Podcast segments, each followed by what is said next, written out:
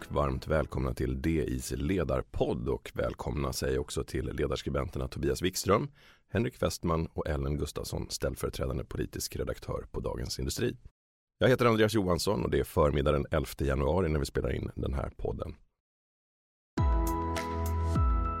Veckan har präglats av försvarsfrågor på agendan tack vare Folk och Försvar som avhandlades i Sälen och det finns många ämnen att följa upp. Men vad skulle ni säga, vad har varit den stora fråga som har dominerat debatten?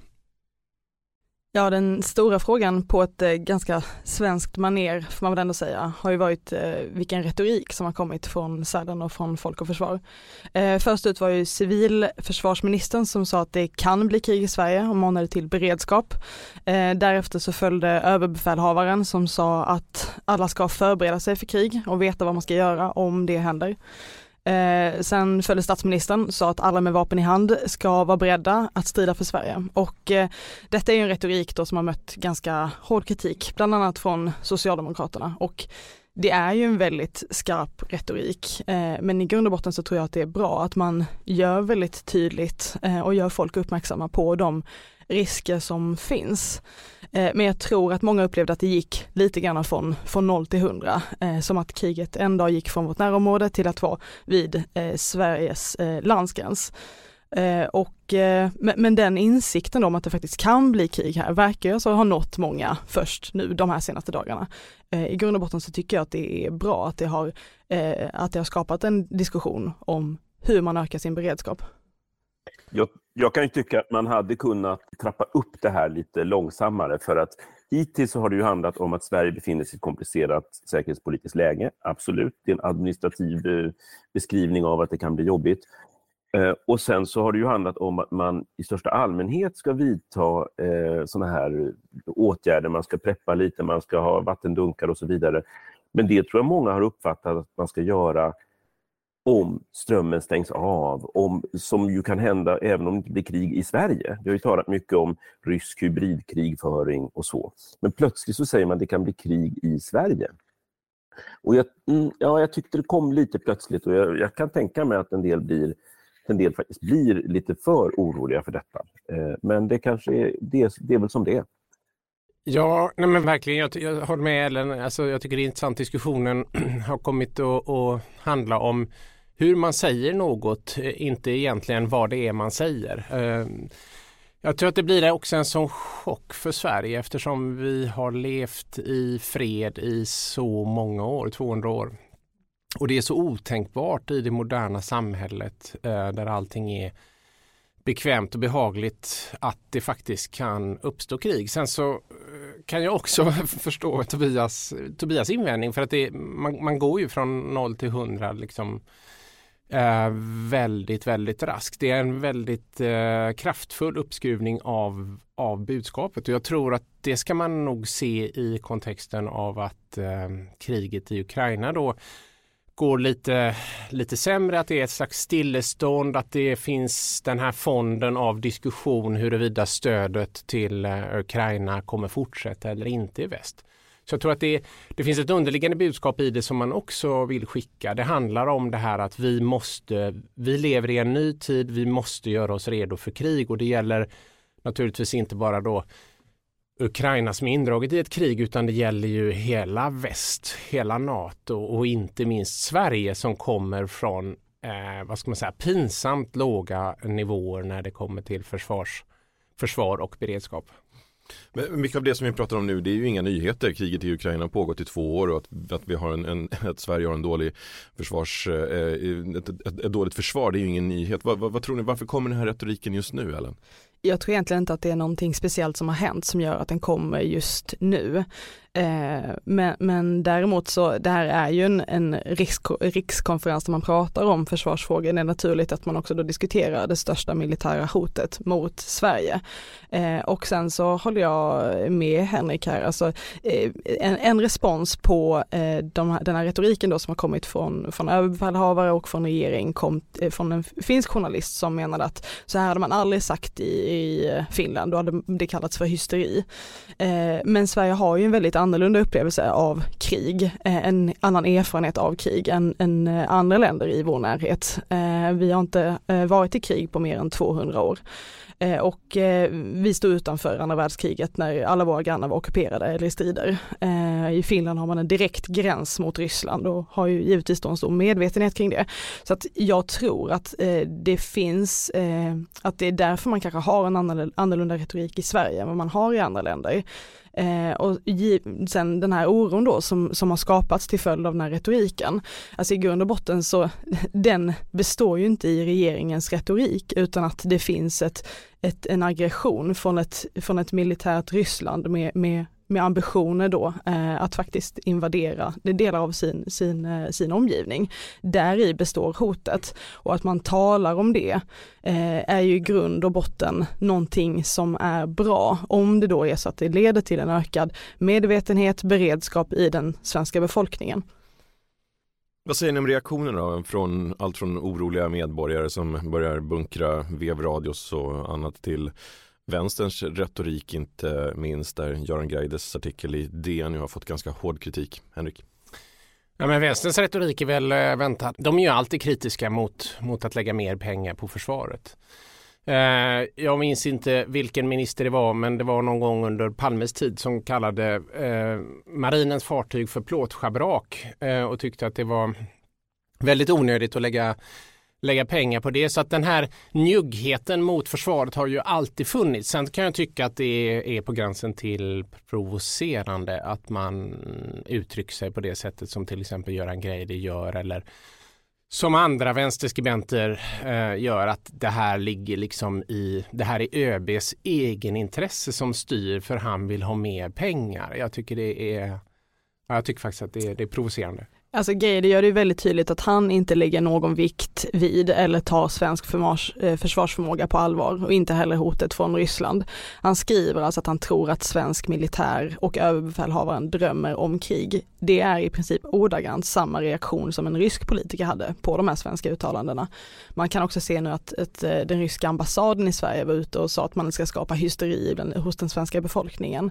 Eh, och jag tycker att, så att säga, om man, om man låter som eh, ryska intressen i detta så är det ju en, en slags indikator på att man har hamnat fel. Precis. Kritiken mot vänstern som du säger Henrik, den handlar ju mycket om att eh, man, man, säger att ja, men försvaret vill bara ha mer pengar men det är inte så lätt att lösa vår försvarsförmåga bara genom att kasta mer pengar på, på försvaret. Vilka är de långsiktiga utmaningarna? Nej men verkligen inte. Alltså peng, det får man verkligen tycker jag komma ihåg i den här diskussionen. Pengarna är ju den lätta biten. Det är ju liksom politikerna har ju den lätta uppgiften. Det är de som ska öka anslagen och, eh, och skaka fram mer pengar åt försvaret. Hur de nu kommer göra det eh, genom besparingar på andra områden eller om man kommer låna pengar för att finansiera det. Det svåra är ju, och det här tror jag man måste ha en väldigt, väldigt stor respekt för. Det är vad är det? Vad är utgångsläget för det svenska försvaret? Vad är utgångsläget för ÖB? Eh, jo, han är på väldigt, väldigt låga nivåer. Det är decennier av nedrustning som nu ska backas tillbaka. Eh, när jag gjorde lumpen på 90-talet då fanns det 20 infanteriregementen i Sverige. Det fanns infanteriregementen överallt, spritt över hela Sverige. Idag så har man koncentrerat alla förband till ett fåtal orter. Och från de här låga nivåerna, det finns alltså då en mekaniserad brigad 2025 som ÖB pratar om. En, en brigad är 5000 man. Det säger någonting om hur få, få eh, man som, som finns i det svenska försvaret. Bulken är ju hemvärnsmän. Så att vända detta, att, att börja rekrytera soldater, att få in mer värnpliktiga, att anställa fler som officerare, att bygga logement där de ska bo, eh, att ha övningsfält för dem, det kommer, ta, det kommer ta väldigt lång tid och jag tror man får ha respekt för det och därför tror jag det är viktigt att lyssna på ÖB. Och ÖB han vill ju gå lite långsammare fram och, och, och tycker att det här ska inte liksom forceras fram. Det kan inte bara handla om, om siffror och hur många man vi blir till ett visst årtal. Där det finns ett samhälle, där finns det brott. Krimrummet är podden som tar brottsligheten på allvar. Jag bjuder in landets ledande experter och tar upp aktuella rättegångsfall för att begripliggöra den kriminalitet som kryper allt närmare. Du, alltså, du kan knäcka ett eller några gäng, men det kommer komma nya och så kan vi knäcka dem sen. Men att du ska knäcka allt forever, det kommer aldrig ske. Det är infinite gain. Lyssna på Krimrummet, en podd från Expressen med mig Kim Malmgren.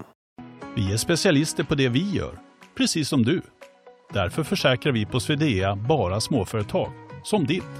För oss är små företag alltid större än stora och vår företagsförsäkring anpassar sig helt efter firmans förutsättningar. Gå in på swedea.se företag och jämför själv.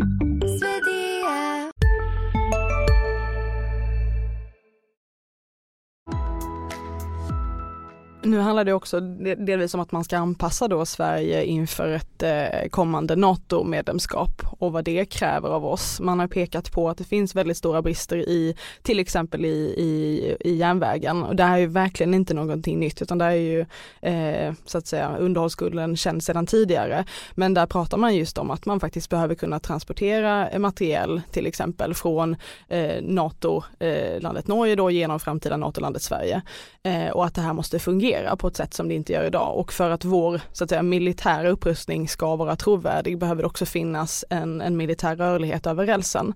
Eh, en annan del som försvarsberedningen har pekat på, det handlar just om den civila beredskapen, till exempel då vården som ingår där eh, och där kan man ju se att, att vi ja, som på många andra delar på försvarsområdet så, så har vi ju så att inte, inte funderat till, i tillräckligt stor utsträckning på de här frågorna tidigare.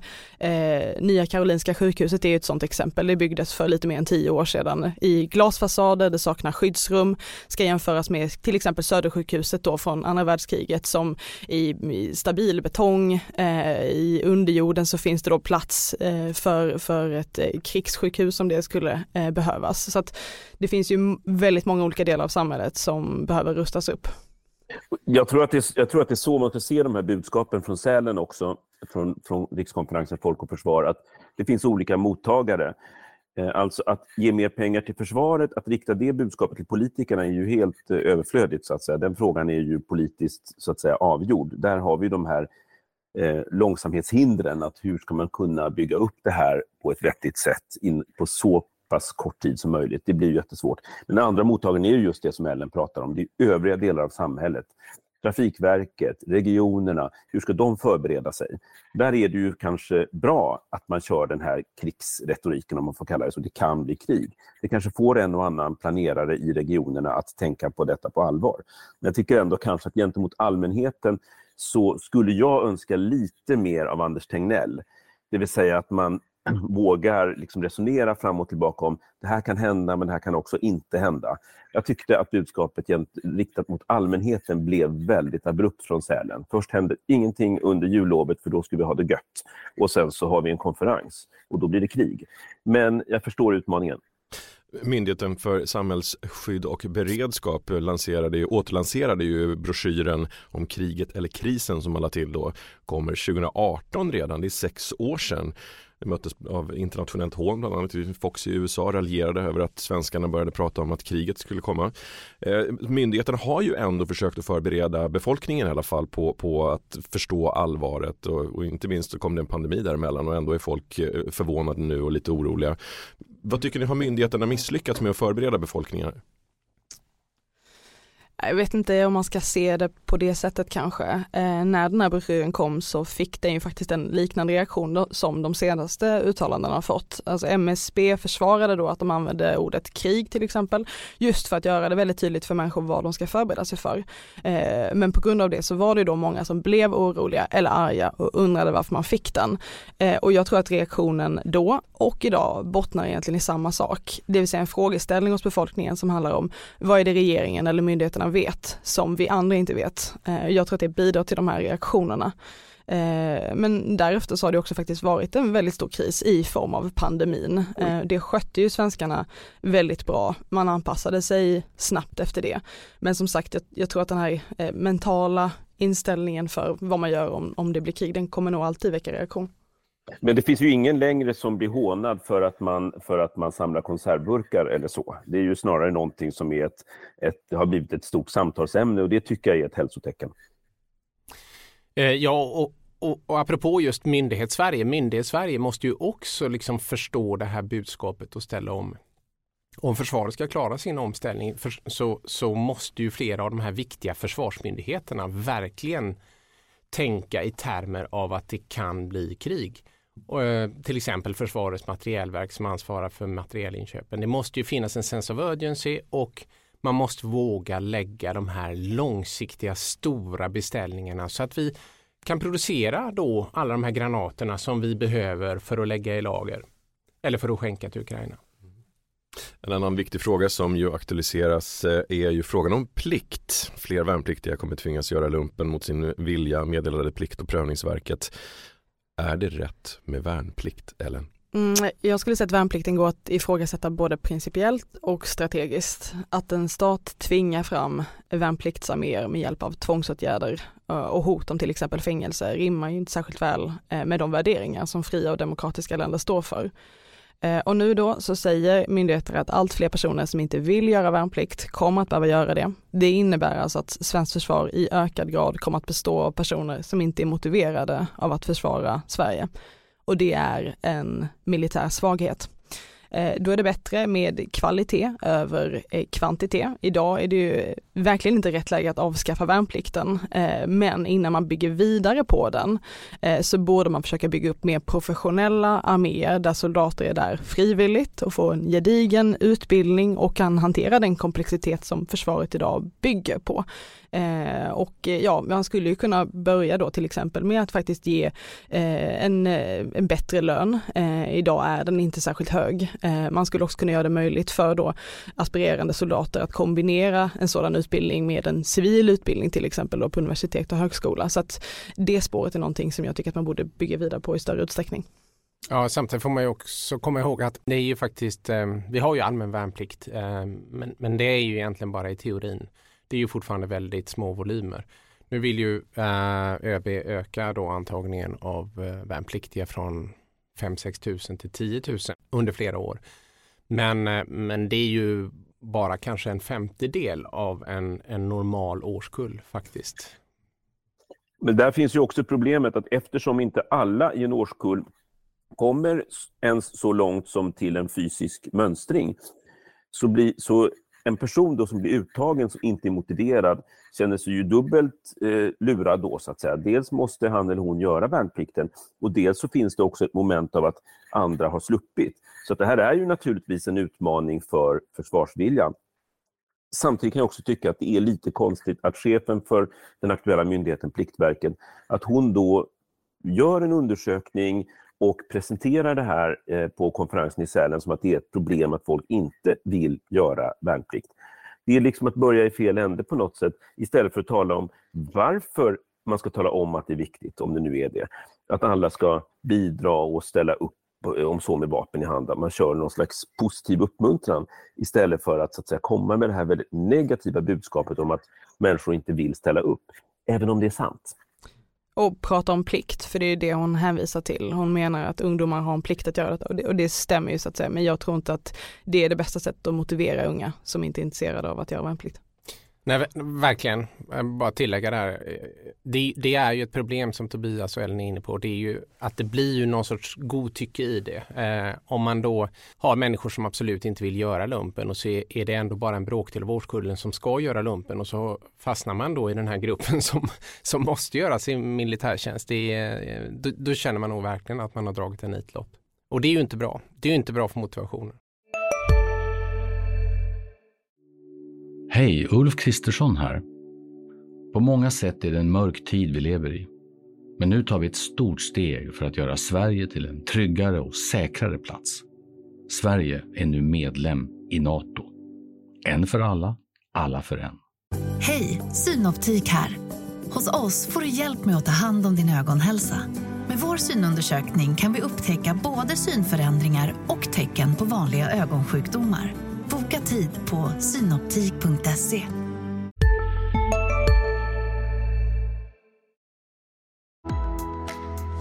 Tack Ellen, Tobias och Henrik. Missa inte våra andra poddar. Digitalpodden, Makrorådet, Analyspodden och Stormens öga. Ansvarig utgivare är Peter Fällman. Vi hörs igen nästa vecka.